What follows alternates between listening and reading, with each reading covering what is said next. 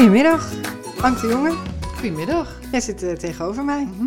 Ja, ik ehm, ben bij jou en eh, eh, ik ben Joyce Schouten, verloskundige, voor wie nog niet weet wie ik ben. Maar ik werk in Groningen als verloskundige en heb als nieuwe hobby een beetje podcast maken. Mhm. Ehm, en toen heb ik op een gegeven moment bedacht, wie zou ik nou, met wie zou ik nog heel graag nou aan tafel willen zitten? En dat ben jij. Ank. Nou, wat leuk om Ja. te horen. En Ja, eh, ja. het is ook gelukt. We zitten aan tafel. Dus, ja. Het is gelukt. Ja, en eh ehm Ank de Jonge, het, het- ik denk dat heel veel mensen, zeker in verloskundeland, al meteen een eh, belletje gaat rinkelen als, je, Mhm. als ze jouw naam horen.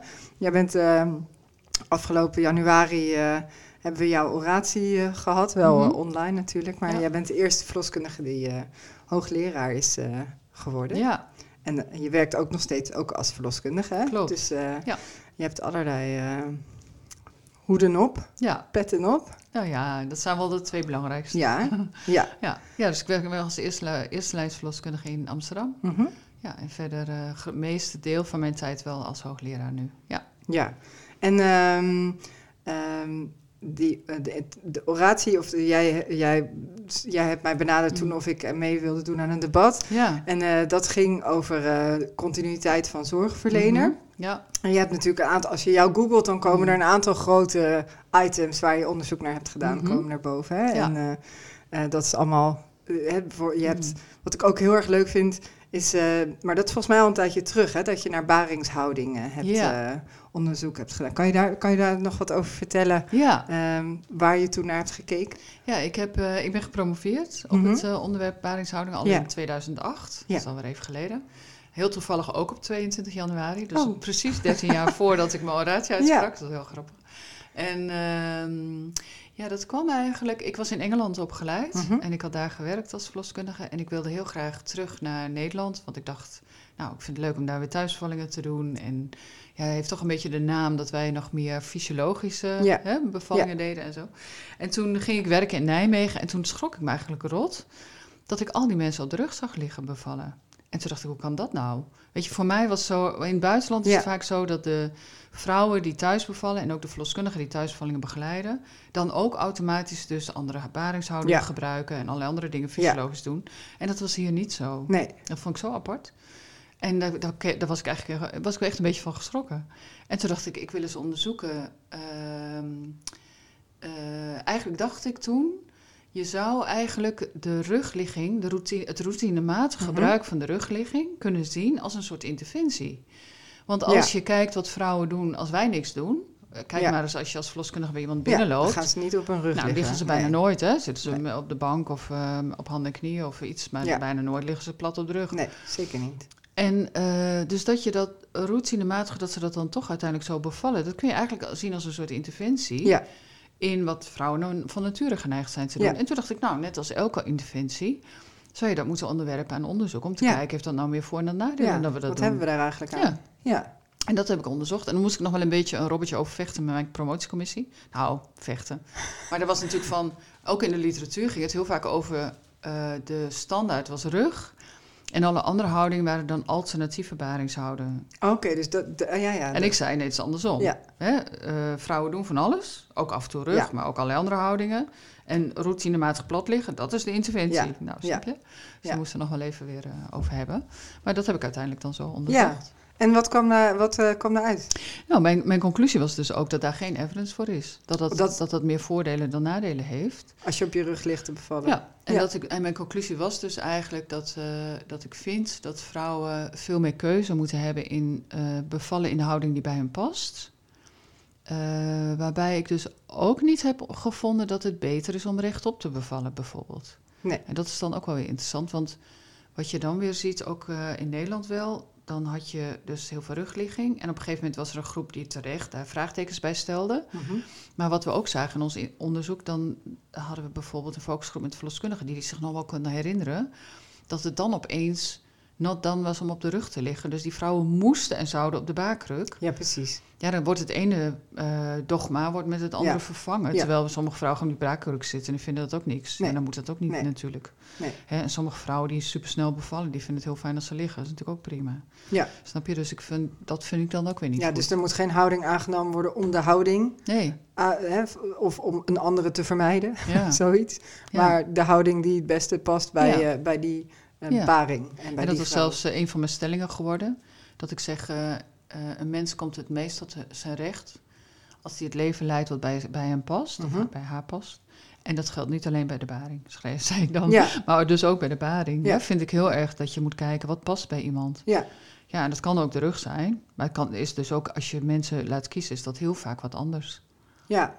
En als je, ja, als je het helemaal niet, als, een, als het überhaupt niet eens een keuze is, maar als het gaat zoals het gaat, dan, dat is dan nog wel mijn theorie, dat dan komen vrouwen vanzelf bij een, eh, een houding die op dat moment goed werkt, toch? Ja, bedoel, je kan wij- ze natuurlijk ja. wel helpen en zeggen Ja. van probeer anders dit Ja. of probeer anders dat, maar Ja. als je ze niet, hè, bedoel, begeleiden is ook wel fijn soms, Mm. maar als je helemaal niks zou zeggen, dan, dan vinden ze ook hun weg. Nou, dat is wel zo. Alleen wij, wij hebben ook wel gezegd en gezien dat, ehm, kijk, als vrouwen zelf willen kiezen, moeten kiezen, dan moeten ze ook wel weten wat er te kiezen valt. Ja. Ik zeg altijd maar, als je nooit weet wat spruitjes zijn, ga je niet zeggen van ik wil graag spruitjes eten. Dus, als, eh, dus daarom hebben we natuurlijk nu ook, ook een beetje door mijn onderzoek en wat anderen hebben gedaan, nu een folder van de KNV die we uitdelen met alle soort mogelijke houdingen. Wat zijn de opties? Zodat mensen in elk geval weten van... Ja. hé, hey, ik hoef niet per se te gaan liggen. Want, want als je naar de films kijkt, zeker Mhm. Amerikaanse films en zo... je ziet iedereen steeds Zeker. liggen. Ja. En je, je komt een verloskamer binnen... je ziet daar een bed prominent in de kamer staan... ja, dan denk je van, ik moet Ja. daar gaan liggen. Ja. Dus als je dan niet weet, eh, actief bent geïnformeerd... van ja, er is veel anders mogelijk... dan is de Ja. vraag of je je houding gaat vinden. Ja, nee, nou ja, dat is een goeie. Dat, hang, dat hangt er maar net vanaf hoeveel je overgeeft aan je eigen eh, instinct misschien wel. Of zo. Mhm. Of, hè, we zijn natuurlijk ook wel geneigd Ja. als het gaat over bevallen... Dat je, dat, dat je soms toch denkt dat iemand je moet vertellen wat je moet doen. Ja. Of eh, hoe dat dan goed zou... ver- hoe het Ja. het best zou gaan. Ja. Ja. Ja, we zijn heel geneigd om natuurlijk ook gewoon voorbeelden die we zien te volgen. Ja. We zijn als, als mensen natuurlijk toch een beetje een kuddedier ook. Dus Ja. zien dat al, als je dan elke keer alleen maar mensen ziet be- liggen bevallen, dan denk je dat het zo hoort of zo. Ja, ja, dat is ook wel logisch natuurlijk. ja, dus meer, meer, eh, meer, meer, in ieder geval meer kennis over wat mogelijk is. Ja, Ja. Dat is wel belangrijk. Ja. Leuk. Hey, en even terug of verder naar, jouw, eh, naar het onderwerp waar we het eh, eh, in januari ook Mhm. over hadden. Ehm, en dat is ook wel een onderwerp volgens mij waar ik je nu veel over zie voorbij komen. Mhm. Continuïteit van de zorgverlener, waar Mhm. jij je hart voor maakt. ja. Ehm, kan je mij vertellen, eh, een beetje soort recht toe recht aan, wat bedoel je met het begrip continuïteit van de zorgverlener? Mhm. Ehm, ja, heel kort gezegd betekent het gewoon dat je één of een klein team zorgverleners kent. Van begin tot eind, van het begin van de zwangerschap totdat je bevallen bent, einde kraamperiode. En dat je daar eh, een soort relatie mee op kan bouwen, Mhm. daar dus vertrouwen in kan krijgen. En dat dat, een, die, dat, dat team of die, die ene verloskundige een constante factor is in je zorg. Ja. En dan kan het zijn dat er nog andere mensen bij moeten. Soms heb je de gynaecoloog even nodig. Of eh, Mhm. de kraamverzorger doet natuurlijk een stuk. En de verpleegkundige. Maar die, dat team van verloskundigen, dat, hè, dat, dat blijft van begin tot eind stabiel. Ja, en moet het echt een verloskundige zijn? Als je naar de literatuur kijkt, dan is het vaak wel de verloskundige. Ja. Want dat is eigenlijk de enige die in die hele periode een, een taak heeft. En eh, ligt meest voor de hand als die het is. Ja. Eh, Misschien bij heel hoog risicozwangeren zou het ook een gynaecoloog kunnen zijn. Hè? Ja. Maar ehm, vaak is het denk ik de verloskundige. Ook in het ziekenhuis. Vaak Mhm. de klinisch verloskundigen die dan dat Ja. zouden kunnen doen. Ehm, dus, dat, dus eigenlijk een vertrouwde zorgverlener hebben. Ja, en waarom is dat zo belangrijk? Ja, dus wat ze in het buitenland wel vaak noemen, is het, ze noemen het relationele zorg. Dat Mhm. geeft het eigenlijk aan. Dus dat je, Ja. Wat we een beetje zijn vergeten soms in de moderne verloskunde, is dat we heel erg goed nadenken over alle handelingen die we moeten doen. Mhm. Er zijn alle protocollen voor en wanneer je welke testen moet doen en welke ingrepen. En nou, daar doen we steeds meer verfijnd onderzoek naar, naar steeds kleinere Ja. risico's. Nou, eh, daar zijn we heel druk mee bezig. Maar wat we een beetje uit de oog verloren zijn, is dat die relatie die je hebt als vrouw met een zorgverlener, dat dat cruciaal is. Niet alleen maar om het fijn te hebben, maar zelfs voor de uitkomsten. Dus, en dat is veel onzichtbaarder en dat is niet zo eh, sexy ook en niet zo hard. En misschien ook moeilijk te meten. Moeilijker te meten, want het is veel grilliger. Ja. Maar het is wel, we weten inmiddels wel, er komt steeds meer onderzoek dat dat mega belangrijk is. En dat zouden we eigenlijk veel meer centraal moeten stellen. En dan moeten we Mhm. ook al die dingen, technische dingen doen die we moeten doen hè, van tijd tot tijd. Het is Ja. natuurlijk niet zo dat we helemaal geen technologie meer doen of dat al die medische ingrepen niet nodig zijn per se. Maar wel dat dat niet ten koste moet gaan van die relatie. En dat is soms nu een beetje zo, denk ik. Ja. En waar- waarom ehm, is die eh, zeg maar, waarom is het zo belangrijk? Waarom is die relatie zo belangrijk? Ja, dus daar moeten we eigenlijk ook nog steeds meer onderzoek naar doen. Hè? Dus het, het, eh, eh, het is moeilijk om dat precies je vinger achter Mhm. te krijgen, maar er zijn wel wat denkrichtingen ehm, die best plausibel klinken. Dus ehm, zeg maar, het zitten waarschijnlijk in verschillende dingen. Maar één is, nou ja, heel basaal al dat een kind krijgen best spannend iets is. Mhm. hè? Dus je geeft je toch een beetje over aan medische zorgverleners. Toch een beetje dat het allemaal maar goed mag gaan. Mhm. En dat helpt natuurlijk als je daar dan vertrouwen in hebt. En denkt van nou, het komt wel goed bij diegene. Ja. Dat hoor ik Ja. mensen van, dat ken je vast ook als verloskundige Ja, ook vaak zeggen. Zeker. Oh, Ank, bij jou durf ik het wel. Weet je, als we je op een gegeven moment kennen. Ehm, dus dat je dan ook wat meer relaxed, eh, dus niet minder stress hebt. Ja. Nou, we weten, stress en zwangerschap gaat niet goed samen. Nee. Dat je dan ook vrijer voelt om dingen te noemen die niet zo lekker gaan. Ja. Ik kan me voorstellen als je iemand al een beetje kent, dat je zegt, joh, om heel eerlijk te zijn, rook ik toch stiekem wat meer dan ik zou willen. Dat je dat niet doet bij iemand als je weer de zoveelste nieuwe persoon ziet die Nee. weer even je dossier moet lezen. Dan ga je niet meteen Nee. daarover beginnen. Heel, of van, goh, ik ben net in elkaar geslagen door mijn man, of weet ik wat. hè? Ja. Of ik zie toch wel heel erg tegen die bevalling Ja. op. Dat doe je niet zo makkelijk bij een vreemde. Ja. Maar dat doe je misschien wel als je iemand een paar keer gezien hebt. Ja. En denkt van, die kent mij een beetje en ik ken haar. Ja, dus het, eh, het ontvangen van de zorg, of, en, en misschien zelfs ook wel het geven van de zorg, eh, hangt ook van de relatie af. Ja, en Ja. de relatie is daar niet een leuke bijkomstigheid, maar is Nee. echt cruciaal. En dat zijn we denk ik wel een beetje kwijt. Ja? Ja, en ik, ik er ook weer, eh, dit he- heeft me dus mijn hele carrière al wel bezig gehouden, ook sinds ik in Nederland ben. Net als die baringshouding was Mhm. dat een ander ding wat me eens enorm trof. Kijk, ik had in Engeland was ik opgeleid, nou, daar heb je dan bijna geen thuisbevallingen. Eh, maar in het ziekenhuis ehm, maakte je wel dingen af. Hè? Dus als Ja. je daar eh, iemand had die gewoon eh, ehm, een, een ehm, normale zwangerschap had en die kwam ging bevallen en die moest op een gegeven moment toch pijnbestrijding hebben of er was Mhm. iets mee, bleef je daar gewoon voor zorgen. Ja. Toen kwam ik in Nederland.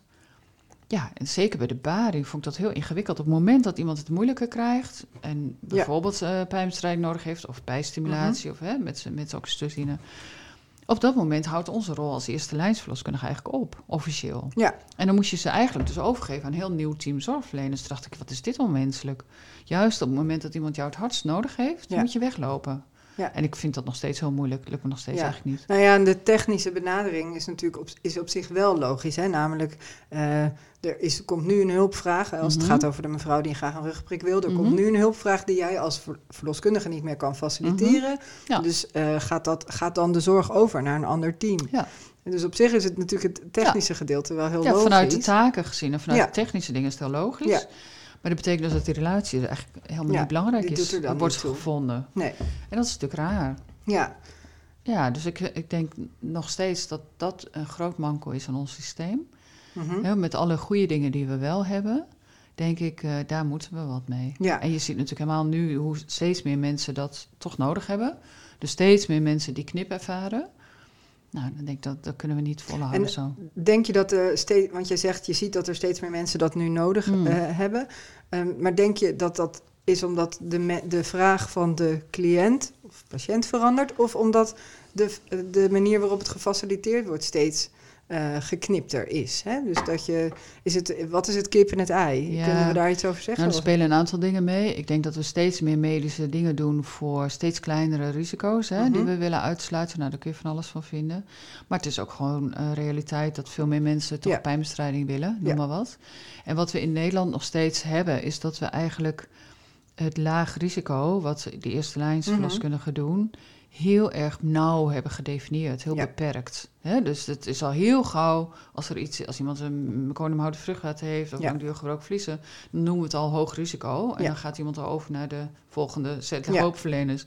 En dus dat groepje eh, wat overblijft, ja, wordt hè, steeds dat wordt steeds kleiner, bedoel jij? En onze, wij hebben natuurlijk voor mij een andere hoogleraar gehad uit Canada, Mhm. Eileen Hudson. Die zei het altijd wel heel mooi. Die zei eigenlijk, kijk, als je eh, vroeger bij ons keek, nou laten we zeggen 20 jaar, nou misschien zelfs 15 jaar geleden al nog. Als iemand dan een epiduraal kreeg, dan had je ook echt een takkenbevalling, zou ik maar even zo zeggen. Ja. Hè? Dan had je echt een, zeg maar een pathologische bevalling. Ja, Dat was echt rugprik. Ja, ja, rugprik, ja. Ehm, terwijl nu mag iemand daar gewoon om vragen. Ja. En dan heb je dus eigenlijk dat dit soort interventies gebruikt worden in een bewaring die in principe gewoon fysiologisch is. Dus dat Ja. is wat anders opeens. Dus dan Ja. krijg je dat je die medische ingrepen ook gewoon gebruikt bij ter ondersteuning Ja. van een in principe fysiologisch proces. Ja. dan hoort het ook gewoon bij de verloskundige. Ja, Dan precies. is daar niks. Niet meer bij de... Hè, dan is het nee. niet iets pathologisch. Hey, en als, we, als het even nog in de, het kader van de, terug in de tijd... Mm. wat ik wel dan fascinerend vind, is dat voor mijn idee... ehm, was het vroeger veel logischer dat je een, dat een, dat je een dorpshuisarts had, Mhm. bijvoorbeeld. Hè, eh, of dat je, eh, en dat die huisarts er in het weekend ook was. En dat dat Mhm. met verloskundigen ook een beetje zo was. Ja. Dus dat die continuïteit van zorgverlener... maar ik ben nog niet zo super oud, maar dat wat ik Mhm. erover lees... Dat dat, dat dat in een vrij korte tijd heel erg is veranderd. De Ja. organisatie van onze zorg. Ja, En dan huisarts is natuurlijk heel duidelijk voorbeeld... Maar bij de verloskundige is het volgens mij ook zo. ja, dat is ook zo. Ja. Toch? Dus, dus hoe, want hoe we nu de, de meeste praktijken zijn natuurlijk groepspraktijken Ja. waarin diensten worden Ja. gedraaid en Ja. eh, zorg wordt er gedeeld. Ehm, en even los van als mensen van de verloskundige naar een Mm. gynaecoloog zouden gaan gedurende de bevalling, zie je binnen de eerste lijn ook wel dat als iemands dienst erop zit en die mevrouw eh, heeft eh ja, Mhm. weeën, dat er dan, hè, nou, dan komt mijn collega die neemt het over. Dus ook daarin zie je dat er al meer gewisseld wor- wordt, denk ik dan. Twintig jaar geleden. Nee, dat klopt. Dus dat speelt natuurlijk ook Ja. mee. Hè? En dus moeten we, het ook, moeten we met elkaar ook gaan nadenken, hoe organiseren we het dan? Dat het ook wel... ehm, Ja, want het lijkt bijna. Ik, ik, ik heb daar natuurlijk al heel veel over nagedacht. Mm. Het lijkt ook een beetje onomkeerbaar. Hoe kunnen we dat nog weer een beetje meer kleinschaliger maken? Ja, en daar moeten we met elkaar over gaan nadenken. En ook hoe het wel te doen blijft met eh, dat we wel gunnen dat verloskundigen gewoon gezinnen Mhm. hebben en kinderen. Ja. Vroeger waren het natuurlijk heel vaak Ja, mensen die waar. niet eh, gezinnen hadden. Ja. Ehm, dus daar moeten we zeker met elkaar over nadenken. Dus het is ook de vraag of het altijd één persoon moet zijn. Sommige verloskundigen werken natuurlijk zo, dat kan. Maar zelfs al zou je maar met een klein team... Kijk, in, in de onderzoeken zie je zelfs teams tot vier tot zes Mhm. hier en daar zelfs acht verloskundigen, Ja. nog betere uitkomsten hebben dan de traditionele vorm. Dus dat is natuurlijk al mega groot in onze ogen. Mhm. Nou ja, laten we zeggen tot vier.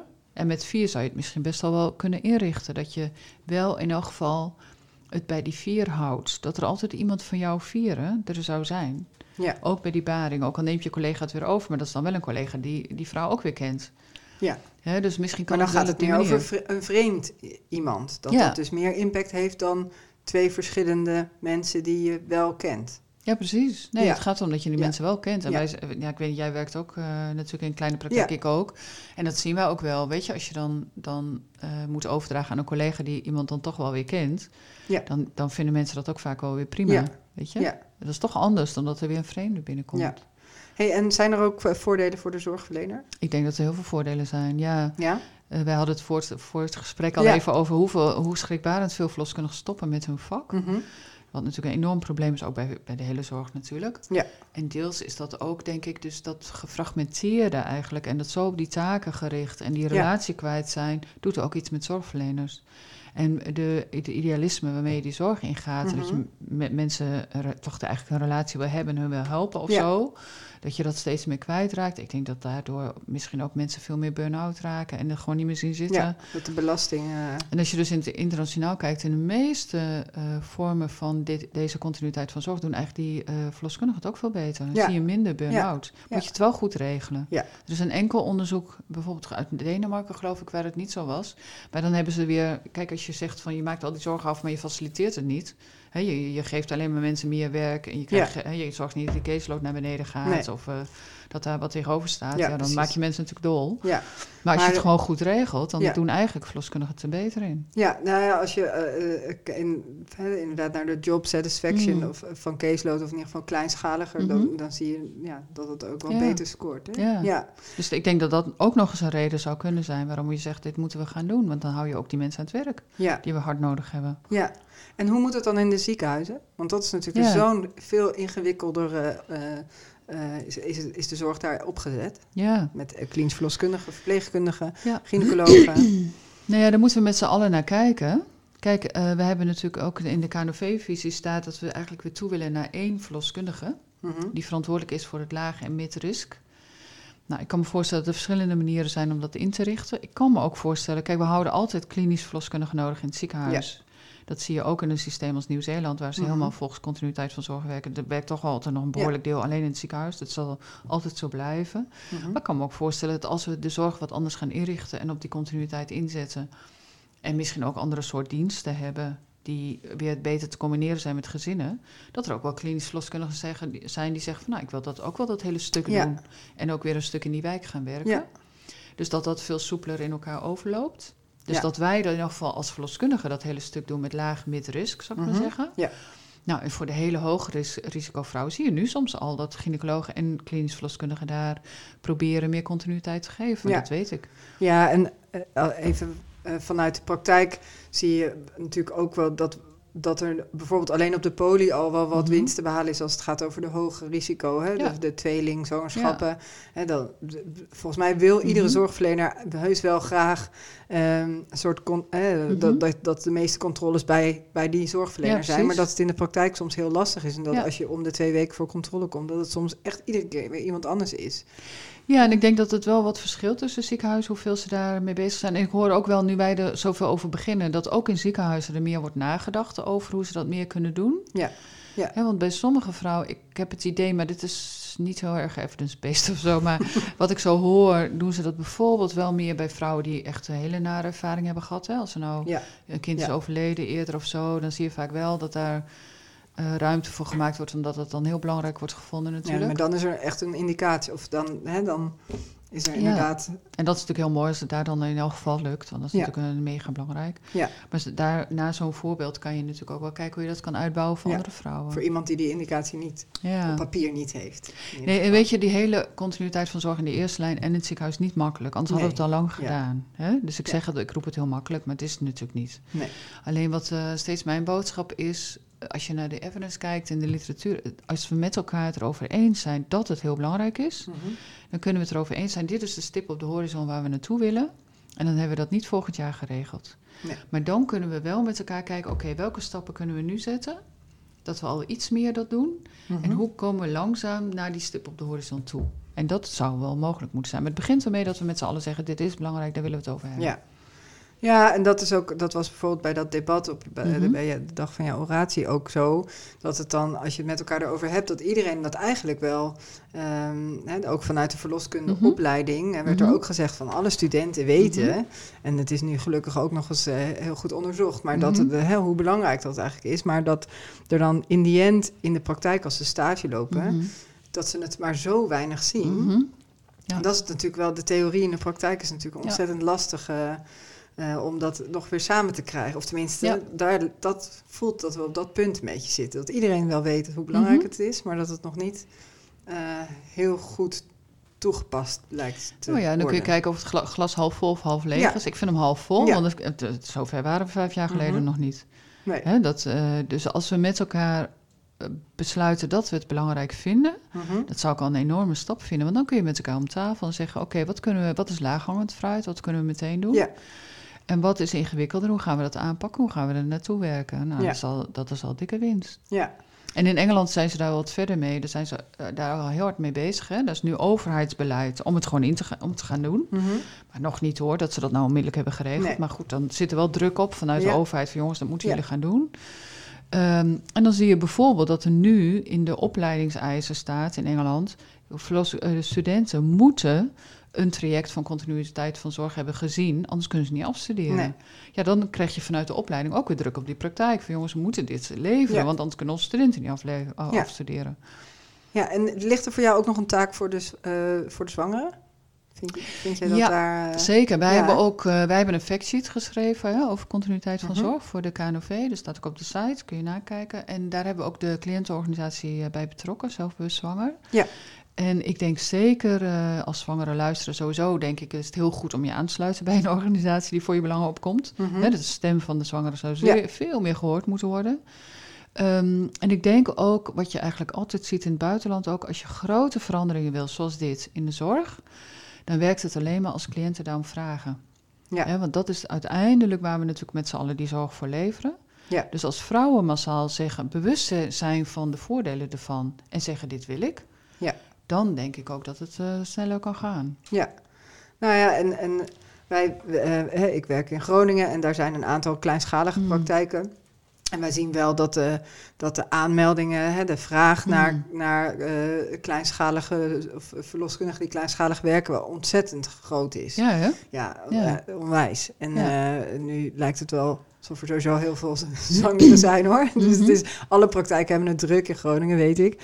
Um, maar toch, um, dus die vraag die is er Mhm. denk ik wel. Ja. En die bewustwording, als het er is, Ja. dan... Um, uh, dat is een beetje hetzelfde met de, de baringshouding. Ja. Dat, je, dat je wel moet weten dat, je, dat er iets te kiezen is Klopt. tussen groot en klein.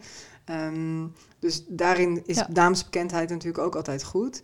Maar um, um, is dat dan ook een beetje je tip voor zwangeren? Ja. Van, uh, denk na over wat, wat voor een zorg je... Nou, zeker. En inderdaad, kijk dan als je dat belangrijk vindt om, je, om zo'n praktijk te vinden. Maar ook als je het niet kan vinden, Mhm. via misschien een cliëntenorganisatie, geef aan dat je het belangrijk vindt. Ja. En, uh, want het is grappig, wij hebben ook onderzoek gedaan bijvoorbeeld naar vrouwen die verwezen zijn tijdens de Mhm. bevalling hè, van Ja. de eerste lijn naar het ziekenhuis. En dan hoor je vrouwen dit ook zeggen. Dan, dan Ja. zeggen ze bijvoorbeeld als de verloskundige bleef, vonden ze het geweldig. Van, oh, dat was zo fijn dat ze bleef. En als ze niet bleef, dan was het van, oh ja, ik snapte wel dat ze weg moest. Want ja, dat kon niet anders. Ja. Dus mensen gaan al denken met het systeem mee. Ja. Dus vrouwen gaan niet zeggen van, ja, ik vond het eigenlijk hartstikke vervelend dat ze wegging. Ik wil dat ze bleef. Want die denken, ja, dat is niet reëel. Ja. Dus uh, als vrouwen doorkrijgen van, ja, maar als wij erom vragen... dan kan er misschien best wat veranderen waardoor het wel kan. Ja, dan helpt dat ons zorgverleners Ja. ook weer om te zeggen... Joh, tegen nou, beleidsmakers of weet ik het wat...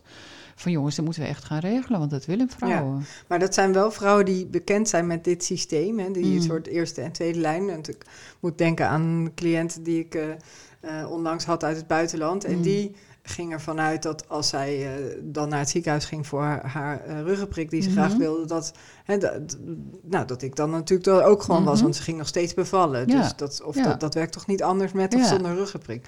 Dus dat was wel ook heel interessant om het daarover te hebben. Van dat, dat het eigenlijk voor haar een hele onlogische scheidingslijn was. dat is ook Ehm, zo. Van, dus als ik geen rugprik neem, dan ben jij er wel. En als ik hem niet neem, dan ben je er niet. En het zou fijn zijn als zo iemand dat dan ergens kenbaar maakt eigenlijk, Ja, hè? ja. nee, zeker. Ja, Ja. ja. maar dat, ja, dat is natuurlijk daarin is ons systeem ook nog wel weer misschien een beetje anders dan uh, in andere landen om ons heen. Ja. Dus dat moet je dan Nee, dat net weten. ja, dan moet je dus eigenlijk moet je dat mensen ook alweer uitleggen. Ja, En dan, uh, nou ja, en dan is het wel fijn als mensen weten waar ze dat dan kunnen laten weten dat ze dat wel belangrijk vinden. ja. Ja, Ja, want het voelt misschien ook een beetje als je nu met een dikke buik hier naar zit te Mhm. luisteren, dat je denkt, ja, ja hè, een Mhm. druppel op een gloeiende plaat of zo. Waar, moet ik dat dan laten weten? ja maar dat, nou ja, goed, dat, dat is bij alles zo. Is bij verkiezingen, verkiezingen ook Ja. zo. En ik zou toch gaan stemmen. maar Ja, zo. weet je, in je eentje verandert. Maar als heel veel mensen in hun eentje dit laten horen. Dan maakt het, als je in Engeland bijvoorbeeld is de cliëntenorganisatie veel machtiger. Mhm. Ja, er gebeuren echt wel dingen onder druk van cliënten. Ja, Ja, omdat ze veel groter zijn daar. Dus hier is het ook eigenlijk nog veel te klein, vind dus ik. spreek je uit Ja, zeker. voor En, en, en meld je aan bij een cliëntenorganisatie die, Ja. die, waar je bij past. goeie. Om je uit te spreken, dat zou ik zeker doen. Ja. Hey, en Anke, heb je nog, wat eh, staat er nog op je lijstje wat je graag zou willen onderzoeken? He- Heb je, is er nog, zijn er nog onderwerpen dat je denkt van, nou, daar zou ik echt nog graag in willen duiken? Ja, er kan heel veel. Waarschijnlijk en heel komt weer- en er komt van alles mij. Maar dit is Ja. wel een hele belangrijke. En er zitten natuurlijk heel veel aspecten aan Mhm. ook. Hè? Dus we willen, wat je net zei, van goh, hoe werkt het nou? Ja, dan willen we eigenlijk nog steeds meer begrijpen. Ik wil ook kijken van hoe krijgen we het voor elkaar. Dus heel praktisch onderzoek. hè? Mhm. In. Implementatieonderzoek noemen we dat dan. We hebben net een voorstel geschreven. ehm dat moeten we nog uitwerken over hoe, wat ik precies wat ik zei. Van hoe zou je in stapjes toe kunnen werken naar dat we deze zorg krijgen. Mhm. Nou, dat, dat zijn dan belangrijke dingen. Ik heb in mijn oratie ook veel gezegd over tijd. Hè? Dus Ja. we hadden het, ik begon met van waar, waar zit het in? Nou, die relatie is belangrijk. Maar een ander aspect wat misschien heel belangrijk is, dat je dat als je die relaties centraal zet, dat je vaak ziet dat je dan als zorgverlener ook gewoon veel meer tijd voor vrouwen neemt. Want je bent niet bezig met, oh, ik moet een bloeddruk doen en buik voelen en een eh HB'tje meten, hè, hemoglobine meten.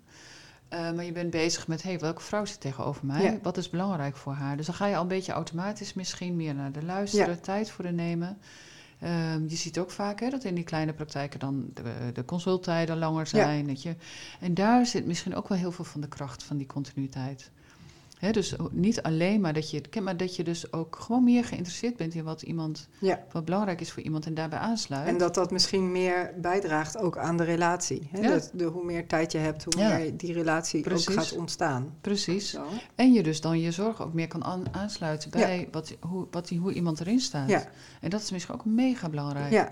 Dat lijkt ook wel. eh, dus dat, die hele factor tijd is ook een belangrijke. En daar, zou je daar nog meer over Ja. willen weten? Ja, zou Ja. ik zeker willen. En wij hebben dus, ehm, eh, dat heb ik ook genoemd in mijn oratie, ik ben er veel mee bezig geweest. Dat ik, ik merk, omdat ik ook in de praktijk zit, en dat ken je Mhm. vast, dat ik heel erg eh, een tijd bezig was, ook met collega-onderzoekers hoor, daarover geboomd. Van goh, ehm, als je nou kijkt wat wij doen bij een baring die heel goed loopt, hè?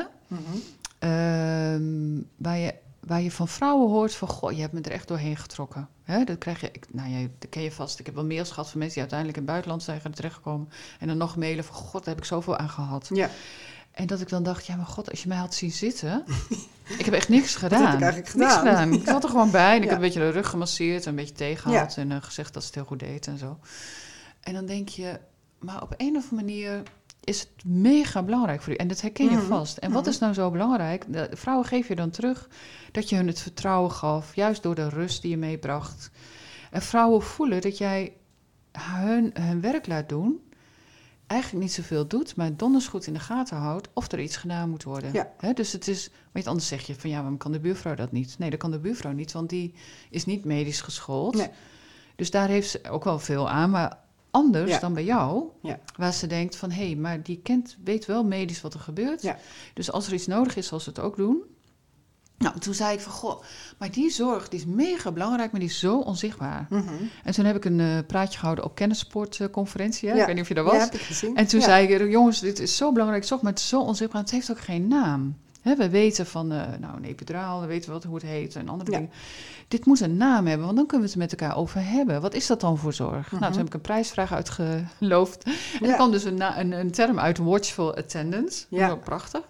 Een Engelse term, want Mhm. dat doet dat een beetje beter.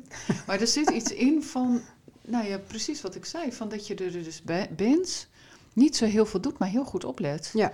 heel betrokken bent en dus wel dingen doet op het moment dat nodig is. Nou, nu we die term hebben, is het dus hartstikke leuk. Want nu kunnen we zeggen, oké, wat betekent dat dan precies? Wat doe je dan? Hoe meten we het dan ook? Mhm. En hoe kunnen we dus laten zien wat die zorg doet? Dat vind Ja. ik als onderzoeker Dus natuurlijk het heel zichtbaar gaan maken, Ja. eigenlijk. Hè? Ja. Want het is denk ik voor iedere verloskundige heel logisch gegeven... dat dat een onderdeel van je zorg is. Mhm.